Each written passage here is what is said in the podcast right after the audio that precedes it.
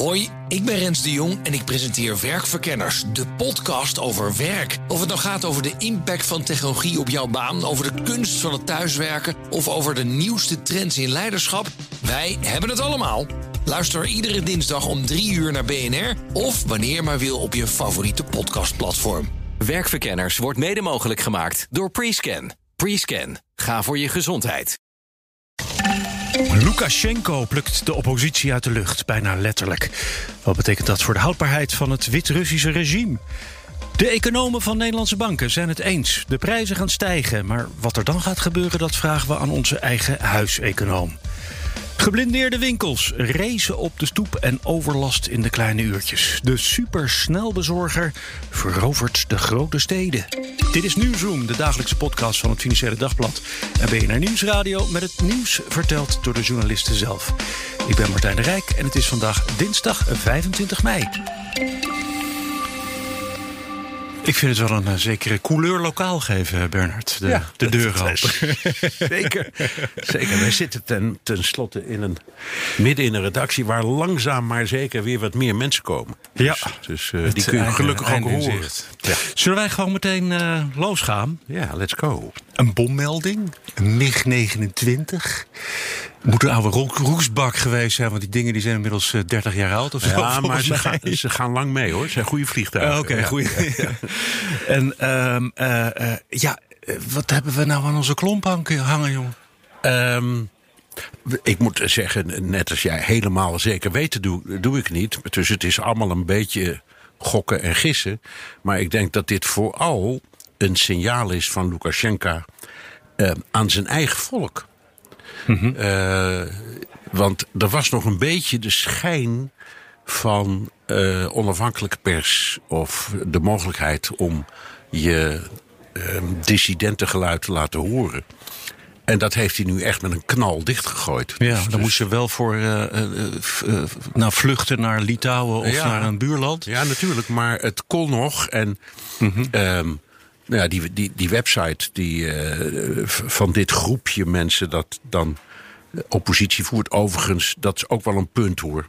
Ehm, zoals altijd met dit soort dingen, daar stond ook een hoop onzin op. Dus eh, als Lukashenko zegt, Ja. ze, lullen maar wat, Dan dan, heeft hij ook weer niet helemaal ongelijk. Maar goed, daar gaat het even niet over. Het, is, het was het, het laatste platform zo'n beetje eh, in dat land... dat nog een, een, een beetje afwijkende meningen durfde of kon publiceren.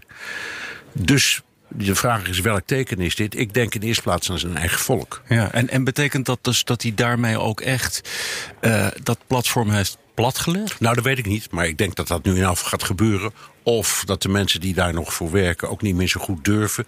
Of dat de gebruikers in gevaar komen. Want ja, eh, de geheime dienst die daar nog steeds heel ouderwets KGB heet, vind wel. Oh, ja, waar, ja. Die hebben nooit hun naam veranderd. hè? Nee, nee, die hebben nooit hun naam veranderd. Die, eh, die, eh, die heeft natuurlijk ook allerlei opties om te kijken wie de gebruikers zijn.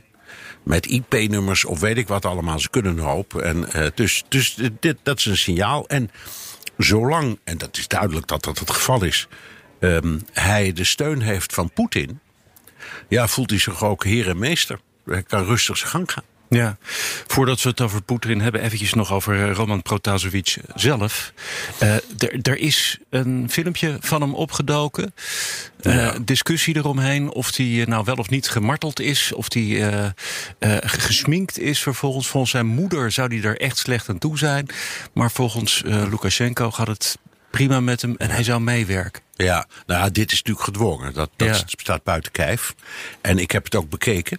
En eh, je kunt zien en horen dat het min of meer voorgelezen is. Het is alsof iemand een uitzending presenteert, zal ik maar zeggen. Het is zo'n gladlopende tekst. Ja. Daar klopt iets niet. Voor iemand die dit allemaal meemaakt of mee heeft gemaakt. Eh, fysiek, het enige wat opvalt is dat op zijn voorhoofd zit een klein vlekje. Ik weet niet, je zou kunnen denken of zeggen, ik, ik, ik fantaseer maar wat hoor, dat er is iets misgegaan met de schmink. Dat zou kunnen. Aan de andere kant, het verhaal was, ehm, hij eh, eh, zou met zeer ernstige hartproblemen in een ziekenhuis liggen. Dat is in ieder geval ontzenuwd. Ja. Ehm, en ik neem aan dat deskundigen wel goed genoeg zijn om te kijken wanneer dit is opgenomen. Ehm, en in elk geval spreekt het die signalen tegen. Dus het verhaal van zijn moeder van hij wordt gemarteld of hij is slecht aan toe. Dat wordt een beetje ontkracht en dat was waarschijnlijk de bedoeling. Ja. Je noemde hem al eventjes, uh, Poetin, de grote broer in het, uh, in het oosten. Uh, die natuurlijk ook hand- en spandiensten verleent om de macht te blijven houden daar in, in Wit-Rusland. Belarus zeggen wij geloof ik. Hè? Ja, daar is een discussie over. Ook de makers van de perestrooikast zijn het met elkaar ja. geloof ik daar niet over eens. Aha. dus je, het, het zijn mij vergeven dat ik het eventjes... Volgens, volgens, mij, volgens mij is het gewoon allebei goed. Maar goed, uh, Poetin die, die, die, die moet hiervan geweten hebben. Ja, natuurlijk. Ah, en, ja. en de reactie was ook zo razendsnel van, niet van Poetin zelf, maar van, van Lavrov, ja. de minister van Buitenlandse Zaken. En vooral diens woordvoerder, een vrouw, die meteen ontzettend tekeer ging. En onze steltje hysterische idioten vond dat we ons zo druk maken om iets. Uh, wat was hier nou aan de hand? Dat is allemaal niet zo erg. En, uh, het is dus, maar een kapingje. Het is maar een kaping. Dus, uh, dus, en ja, ze hebben toch het recht om dit soort gekken op te pakken. Daar kwam het een beetje op neer. Um, en uh, dat is veel betekenend. En het, het, deed mij ook onmiddellijk denken aan het verhaal wat jij waarschijnlijk ook wel hebt gelezen. Dat in 2013, om precies te zijn op 2 juli 2013, zich een heel interessant verhaal heeft afgespeeld. Toen vertrok uit Moskou de toenmalige Boliviaanse uh, president naar La Paz. Uh, en in een presidentieel vliegtuig. En dat had keurig een vluchtplan ingediend. En dat ging dwars over Europa. Uh, en tijdens de vlucht werd de toestemming om over, ik geloof, Frankrijk en Duitsland te vliegen plotseling ingetrokken. Dus dat vliegtuig dat moest als een gek omkeren, want dat had niet voldoende brandstof om naar, ik geloof, de Canarische eilanden te komen, waar het zou bijtanken. En heeft toen een, een, een landing moeten maken in Wenen. En daar stormde meteen de politie in, aan boord. Want wat dachten ze? Edgar Snowden zat aan boord. Dat Aha. bleek niet het geval te zijn, ja, maar die wilden ze arresteren. Dus dat was bijna een identiek verhaal. Ja. En dit was geregisseerd door de Amerikanen. Uh, een belangrijke rol daarin speelde Joseph Biden. Was toen vicepresident. Um, en ik weet zeker dat de Russen ook bij het voorbereiden van dit hele verhaal. Dat ze daaraan gedacht, daaraan gedacht hebben. En ja. je kunt erop wachten dat ze ermee komen. Ja. Zeggen we, jongens, doe nou toch niet zo hypocriet. Jullie zijn minstens zo erg, zo niet erger. Is het nou ontzettend dom? Is het heel erg slim? Is het, wat moeten we er nou van denken van uh, deze actie van Lukashenko? Nou, volgens Russen niks. En dat is niet onbelangrijk om dat te zeggen, omdat Lukashenko meedenkt met de Russen. Het is tenslotte, ook voor zijn gevoel, gewoon nog een onderdeel van de oude Sovjet-Unie. En zo zien die landen het allebei. Dus mocht hij iets tekort komen, zo gezegd, ja, dan zorgt Rusland wel dat dat voor elkaar komt aan, aan. Want de grens is gesloten van, van Belarus. Dus in- en uitvoer is niet zo heel eenvoudig. Uh, uh, de luchtvaart is bijna stilgelegd. Hoewel, als je op Flight Radar 24 kijkt, wat ik uh, vanmorgen nog heb gedaan, daar vliegen gewoon vliegtuigen overheen. Alleen geen Europese meer.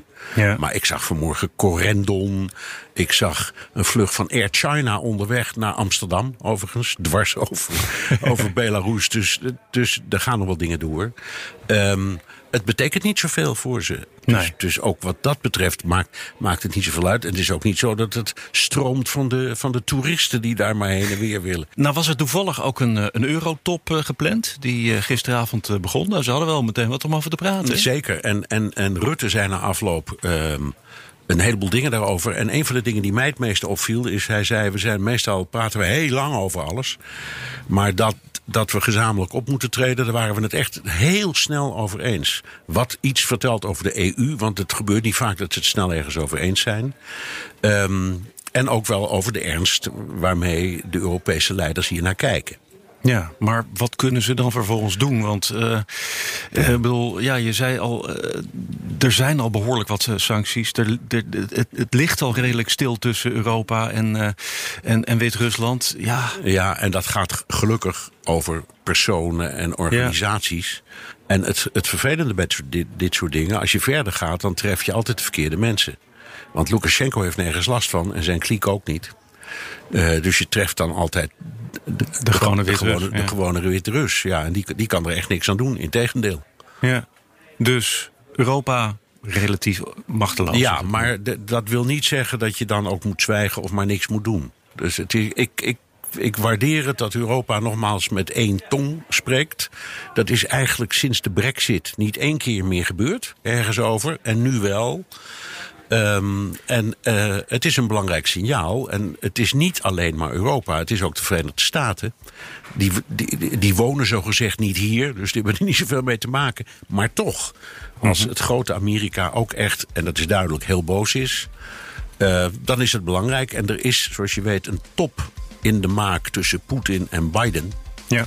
En je mag hopen dat ook deze kwestie daar wordt geagendeerd. Dat zou al heel belangrijk zijn. Het is, het is, het is niet een land waar we dat we op de een of andere manier nodig hebben. Ja, ik persoonlijk, want mijn moeders familie kwam er vandaan, maar dat terzijde.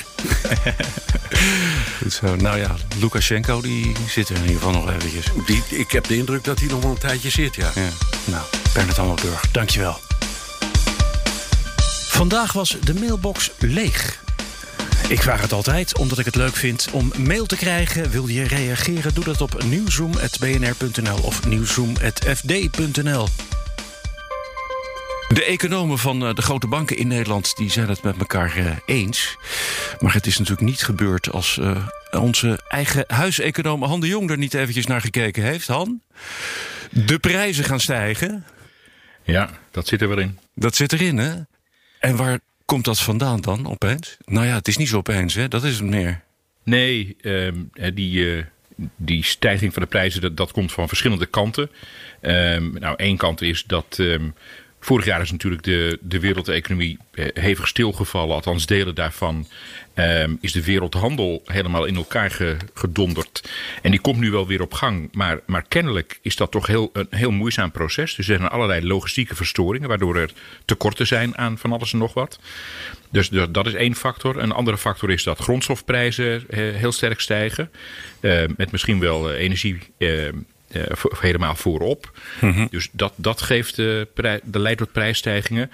Um, iets wat natuurlijk ook speelt is dat uh, nu de economie weer open gaat. Ja, de consument heeft toch eigenlijk uh, met z'n allen bij elkaar heeft de consument behoorlijk wat gespaard. En nu de economie weer open gaat komt ja. een deel van, die, van dat gespaarde geld komt naar de markt toe. Dus dat brandt in die zakken natuurlijk. Ja, ja nou zeker. Hè. Ja. Dus, nou, dat noemen we inhaalvraag. Mm -hmm. um, en, en, dan, en dan um, ja, als klap op de vuurpijl uh, zijn er natuurlijk bedrijven die hebben vorig jaar behoorlijke verliezen geleden. En die zien nu soms de kans schoon om de prijzen wat meer te verhogen dan ze misschien anders gedaan zouden hebben, om, om dat weer wat in te lopen. Ook met het, uh, nou ja, zeg maar als een soort van. Doet een beetje denken aan het, uh, het euro-effect in de tijd? Ja, ja dat, dat klopt. Hè. Toen, de, toen de euro kwam, moesten bedrijven natuurlijk overal nieuwe prijskaartjes aanhangen. Mm -hmm. um, en sommige bedrijven hebben dat, uh, die mogelijkheid aangegrepen om, uh, om de prijzen wat te verhogen. Hè. Er is behoorlijk wat opheffen over ontstaan toen. En nu gebeurt natuurlijk eigenlijk toch weer een beetje hetzelfde. Want er zijn natuurlijk allerlei activiteiten die vorig jaar feitelijk zijn stilgevallen. Bijvoorbeeld als je nou eens kijkt naar de, de reisbranche. Er is natuurlijk heel weinig internationaal gereisd. Uh, ja, die zien de kans om uh, wat van de geleden verliezen van het afgelopen jaar goed te maken. Door de prijzen wat meer te verhogen. Ja, en sterker nog, ik uh, kan me goed voorstellen dat veel van die reisorganisaties eigenlijk ook wel moeten. Want die zitten natuurlijk diep in de, in de problemen. Juist die clubs die hebben enorm verlies geleden het afgelopen jaar. Ja, nou dat, dat is natuurlijk absoluut het geval. Dus, dus als ik dat zeg, dan is dat zeker niet in de verwijtende, in de verwijtende uh, sfeer. Ik, ik, denk dat wat ze doen is, uh, is verstandig. Er zijn ongetwijfeld ook reisorganisaties verdwenen, dus de concurrentie zal ook zijn verminderd. Um, uiteindelijk denk ik wel dat dit soort prijsstijgingen, kijk, dat blijft natuurlijk niet aanhouden dus, dus ja, dit is misschien. Uh, dit gaat op korte termijn leiden tot wat hogere inflatiecijfers. En voor sommige mensen misschien heel erg vervelend. maar, maar dit is niet een, een probleem van, uh, van, van, van blijvende aard. En je zult trouwens ook zien dat in dat soort sectoren. En in de horeca is dat natuurlijk ook zo. dat de, de kosten om je in zo'n sector te vestigen. Die, die kosten zijn natuurlijk niet zo heel erg hoog. Dus als de, als de marges, als de winsten door die prijsstijgingen in zo'n sector uh, heel hoog zouden zijn uh, of, of worden, ja, dan trekt dat natuurlijk nieuwe aanbieders aan. En dat leidt dan op termijn tot concurrentie. En dat, dat drukt dan die prijsstijgingen weer wat terug. Ja, nou kon ik me al wel voorstellen dat het uh, de prijs van een glaasje bier. Ik ben het eventjes op de redactie gaan vragen, zeg, hè, want ik wist niet eens wat een gewoon glaasje bier kost, omdat ik tegenwoordig vooral uh, speciaal biertjes drink. En, en als ik dan gewoon biertje drink, dan, dan weet ik niet wat één biertje kost, zou ik maar zeggen. Uh, maar 2,75, zo heb ik me laten vertellen. Dat, dat wordt gewoon 3 euro dan toch ook een beetje. Omdat ja, de consument die pikt dat wel. Die, die snapt het ook wel. Wat denk jij? Ja, dat, ja, nou ja, ik denk 2,99, maar... ja, ja, precies. Ja. Ja, maar, maar, maar ik, ja, ik denk dat je gelijk hebt. En ik denk ook dat heel veel van die ondernemers er verstandig aan doen om dat te doen. Want ze, hè, er is totaal geen vet meer op de botten. En ze zullen toch echt moeten proberen om, uh, om toch weer wat uh, financiële reserves te kweken. Ja, nou als je die prijsstijgingen bij elkaar optelt, uh, dan hebben we het nog niet eens gehad over de houtprijzen, uh, waar ik zelf erg veel last van gehad heb, omdat ik een, een hele mooie trap gebouwd heb in uh, coronatijden. van hout, uiteraard. Um, ja. maar goed, als je dat allemaal bij elkaar optelt, dan, dan hebben we het dus over inflatie. Hè? De prijzen die stijgen. in de VS is het al meer dan 4 procent. Dus gaan wij die kant ook op? Maar zo heftig zal het bij ons denk ik niet gaan. Nou, waarom niet? Om twee redenen. Ten eerste zijn bij ons de prijzen vorig jaar wat minder snel gedaald dan in Amerika het geval was. Misschien niet onlogisch, uh, hè? Gegeven al die, uh, die hulp, die steun die hier verleend ja. is en daar niet. Ja, precies. Um, wat overigens ook nog speelt, dat is dat wij op het ogenblik hebben, geven wij nog steeds, de overheid geeft nog steeds steun aan bedrijven. Maar wat ze niet doen en wat ze in Amerika wel de laatste tijd hebben gedaan, dat is gezinnen ook zomaar geld geven. In, in december is er in Amerika een uh, stimuleringspakket uh, uh, door het congres vastgesteld.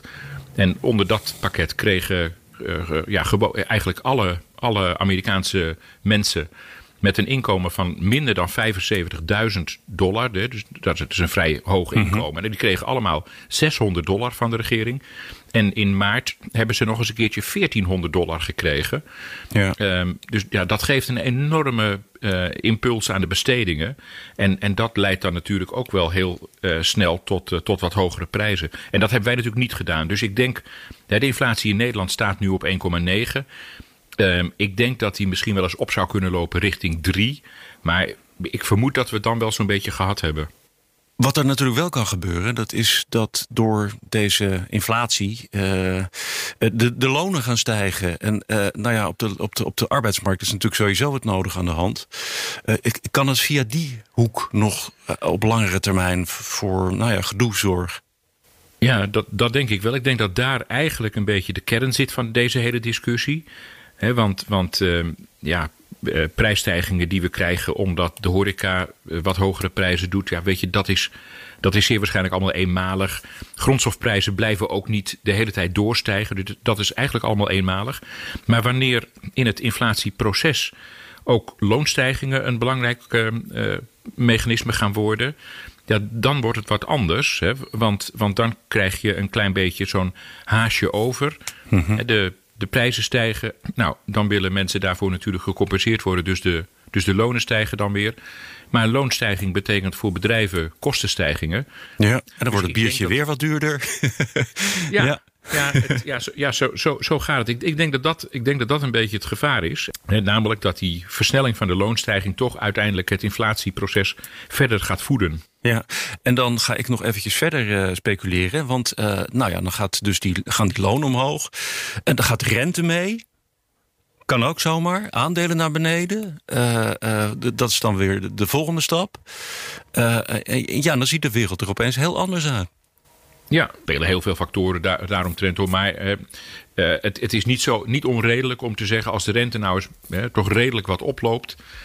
dan ehm, ja, dat, dat is in principe slecht voor aandelenmarkten. En dan, en dan trek jij hem door. Hè, van nou, stel je nou eens voor dat dat zo ernstig wordt... dat die aandelenmarkten hevig in de min gaan... Ja, dat, dat is over het algemeen toch vervelend. Dat leidt tot financiële instabiliteit. En dan, precies zoals je zegt, ja, dan ziet de wereld er toch opeens wel wat anders uit. Nou, laten we hopen dat het niet zover komt, Han. Dat, dat is ook zomaar mogelijk hoor. ja. ja, dankjewel Han de Jong, onze eigen huiseconoom van BNR Nieuwsradio.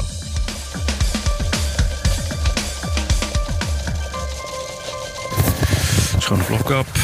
Ik heb namelijk gelijk even de raadbrief uitgeprint van de gemeente Rotterdam. Daar staan nog meer leuke dingen namelijk. Oké. Niet in het artikel kon stoppen. Want ik heb met okay. een wethouder ehm, gesproken in Rotterdam die ja, echt heel veel ehm, klachten binnenkreeg van ondernemers en van, ehm, en van bewoners. Dus, Ja. eh, en ik heb zelden zo'n brief gezien waarvan ik dacht van oké, hier staat echt alles in gewoon. Vertel. Nou, bijvoorbeeld eh, de drie pijnpunten zijn eigenlijk de verkeersveiligheid.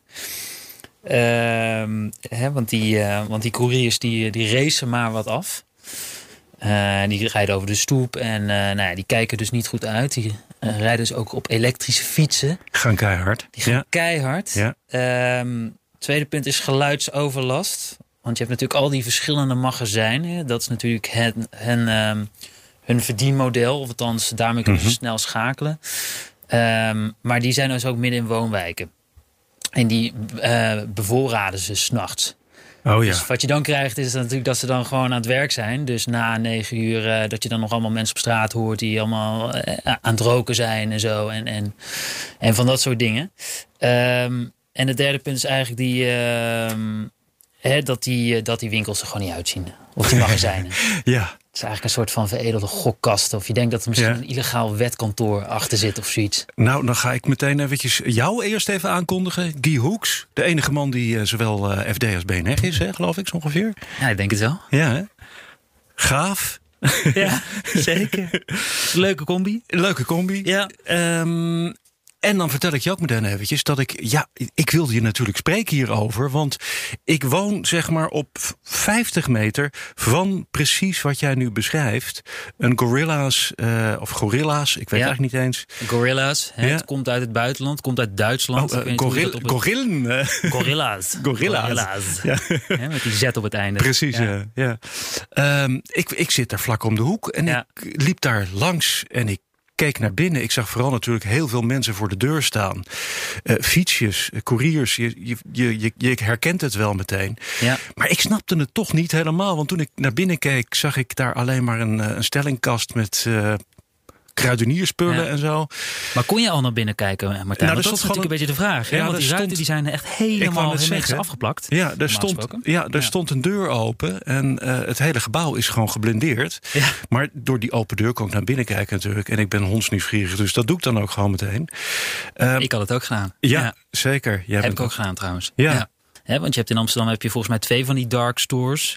Waar je dus eigenlijk, dat zijn eigenlijk een soort van magazijnen, gewoon online eh, of supermarkten. Waardoor ze heel snel eh, ja, diverse producten eh, gewoon aan de man kunnen brengen. Die couriers natuurlijk.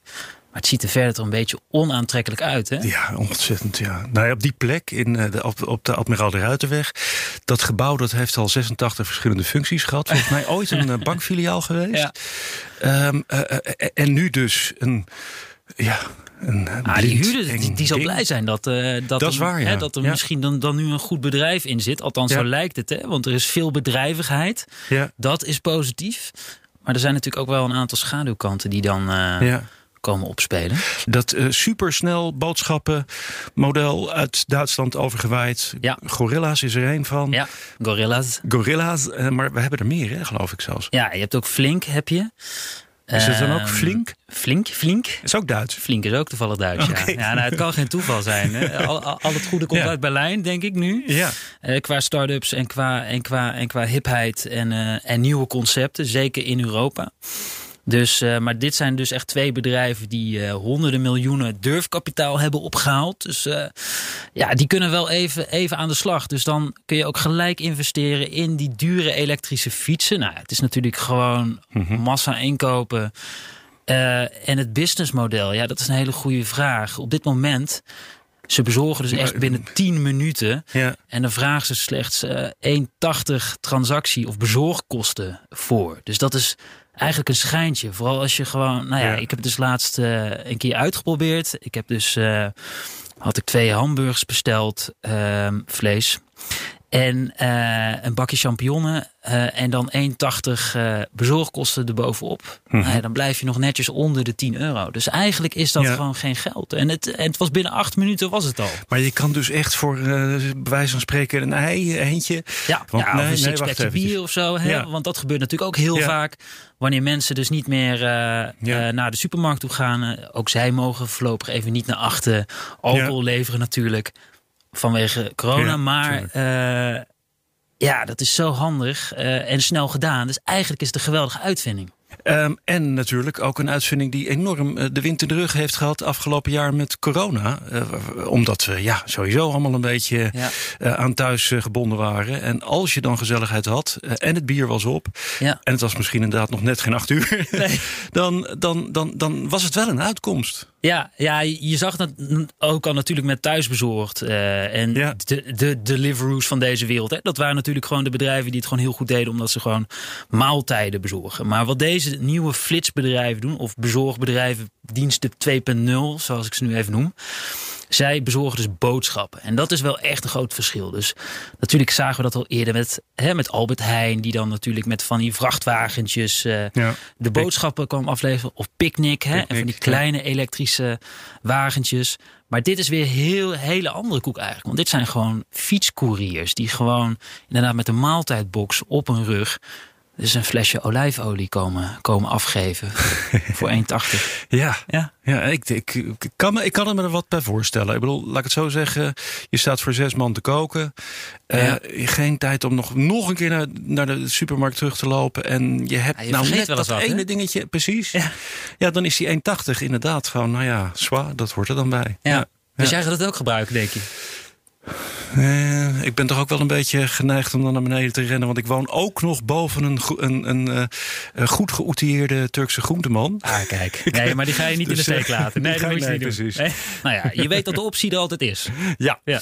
Hey, maar het is niet alleen een optie. Er is dus ook veel gedoe omheen. Want zo leuk is het niet om, het, om zo'n ding in je, in je straatje te hebben. Nou, het is vooral niet leuk natuurlijk voor, eh, voor sommige bewoners. Hè. Je ziet dat, er, eh, hè, dat mensen natuurlijk ook wel een beetje gewend zijn geraakt aan een stilte in de stad. Hè, natuurlijk, Ja, de toeristen die blijven weg, vooral in, in Amsterdam, ehm, maar ook zeker in Rotterdam. Eh, en dat zijn juist ook de twee steden waar enorm veel klachten zijn binnengekomen. Althans, eh, Rotterdam vooral. En dan gaat het dus vooral over die verkeersveiligheid. Hè, dat, eh, dat die fietsers eh, gewoon over de stoep heen chasen met hun eh, elektrische fietsen. Ik heb gevraagd of er echt al ongelukken zijn gebeurd. Nou, die zijn er waarschijnlijk wel gebeurd, maar daar hebben ze geen harde cijfers van in Rotterdam. We hebben natuurlijk de bezorgers van eh Thuisbezorgd al. eh, en, en andere jongens en meisjes op elektrische fietsjes. Ja, Eh, tegenwoordig heb je zelfs oude vandaag die mij inhalen op de elektrische fiets. Maar laat ik het zo zeggen. Zo uniek is het ook weer niet op zich. Of is dit toch weer een maatje heftiger? Nou, wat je zag bij thuisbezorgd is natuurlijk, hè, eh, zij bezorgden de maaltijden gewoon binnen een uur was volgens mij hè, de, Ja, de deal ja. of de belofte. Maar deze flitsbezorgbedrijven, die, hè, die leveren gewoon hun boodschappen af binnen 10 minuten. Dus nou ja, je kan je voorstellen dat die eh, couriers gewoon haast hebben. Dus ik sprak er ook eentje voor mijn verhaal. eh, in dus de pijp. En die jongen kwam hijgend naar buiten toe gerend. Echt met zijn, eh, met zijn werkbroek aan, met nog eh, verfstrepen erop en veiligheidsschoenen. Dus ik vermoed dat hij die ochtend nog in de bouw heeft gewerkt. Want dat zie je Ja. dus veel. Oh, dat is een extra baantje. Precies, Ja. dat dit een extra baantje hebben. Dus Ja. het zijn echte jobfixers. Dus, eh, nou ja, en, en die jongens die hebben gewoon haast. Die bedrijven die hebben er natuurlijk wel enig belang bij dat het allemaal een beetje goed blijft lopen. Anders dan kunnen ze de tent ook sluiten. Doen ze dat ook? Ik bedoel, hoe reageren zij op, op, op klacht? Ja, ik heb even een navraag gedaan bij Gorilla's. Dus dat is dus een van eh, die twee bedrijven. Of inmiddels zijn het wel meerdere die in Nederland actief zijn. In Rotterdam ook vooral. Ze hebben op die klachten ook gereageerd. Hè. Ze zeggen zich te herkennen in de klachten. Van natuurlijk die verkeersonveiligheid. ehm, maar ook eh, van, eh, van overlast bij het bevoorraden van magazijnen. ehm, en ze zeggen van ja, maar we zijn een jong bedrijf en we zijn continu aan het leren. En we zijn bereid om met de gemeente naar oplossingen te zoeken. En, en wat voor oplossingen kun je dan bedenken? Ja, dus een van die oplossingen is... Ik heb hier die, eh, die raadsbrief voor me, voor me liggen. Eh, daarin staat dat het bedrijf belooft om eh, voor 9 uur 's ochtends en na 9 uur 's avonds... niet meer dan vier man buiten een magazijn te hebben. Hè? Want je kan je voorstellen dat, als, eh, hè, dat mensen daar dan roken, blijven hangen en zo. En dat het een beetje een gezellige bende wordt. Want je bent met elkaar aan het werken, dat is allemaal logisch. En het is Maar natuurlijk niet altijd, eh, ja, het is Ja. natuurlijk niet altijd ontzettend druk. Dus je staat je ook wel een keertje te vervelen gewoon Ja. met je vrienden. En dan wordt het gezellig. Ja. Ja, dat is ook heel begrijpelijk. Maar goed, daar hebben dus, eh, sommige mensen hebben daar dus last van die daar wonen. En die hebben klachten ingediend. En het bedrijf zegt zich dus nu bij deze eh, maatregel eh, daarmee rekening te willen houden. Die hoeks. Maar we houden ze in de gaten, hè? Of ze Absoluut. dat wel echt doen. eh. Dankjewel. Graag gedaan. Dat was Nieuwsroom voor vandaag. Heel graag tot morgen.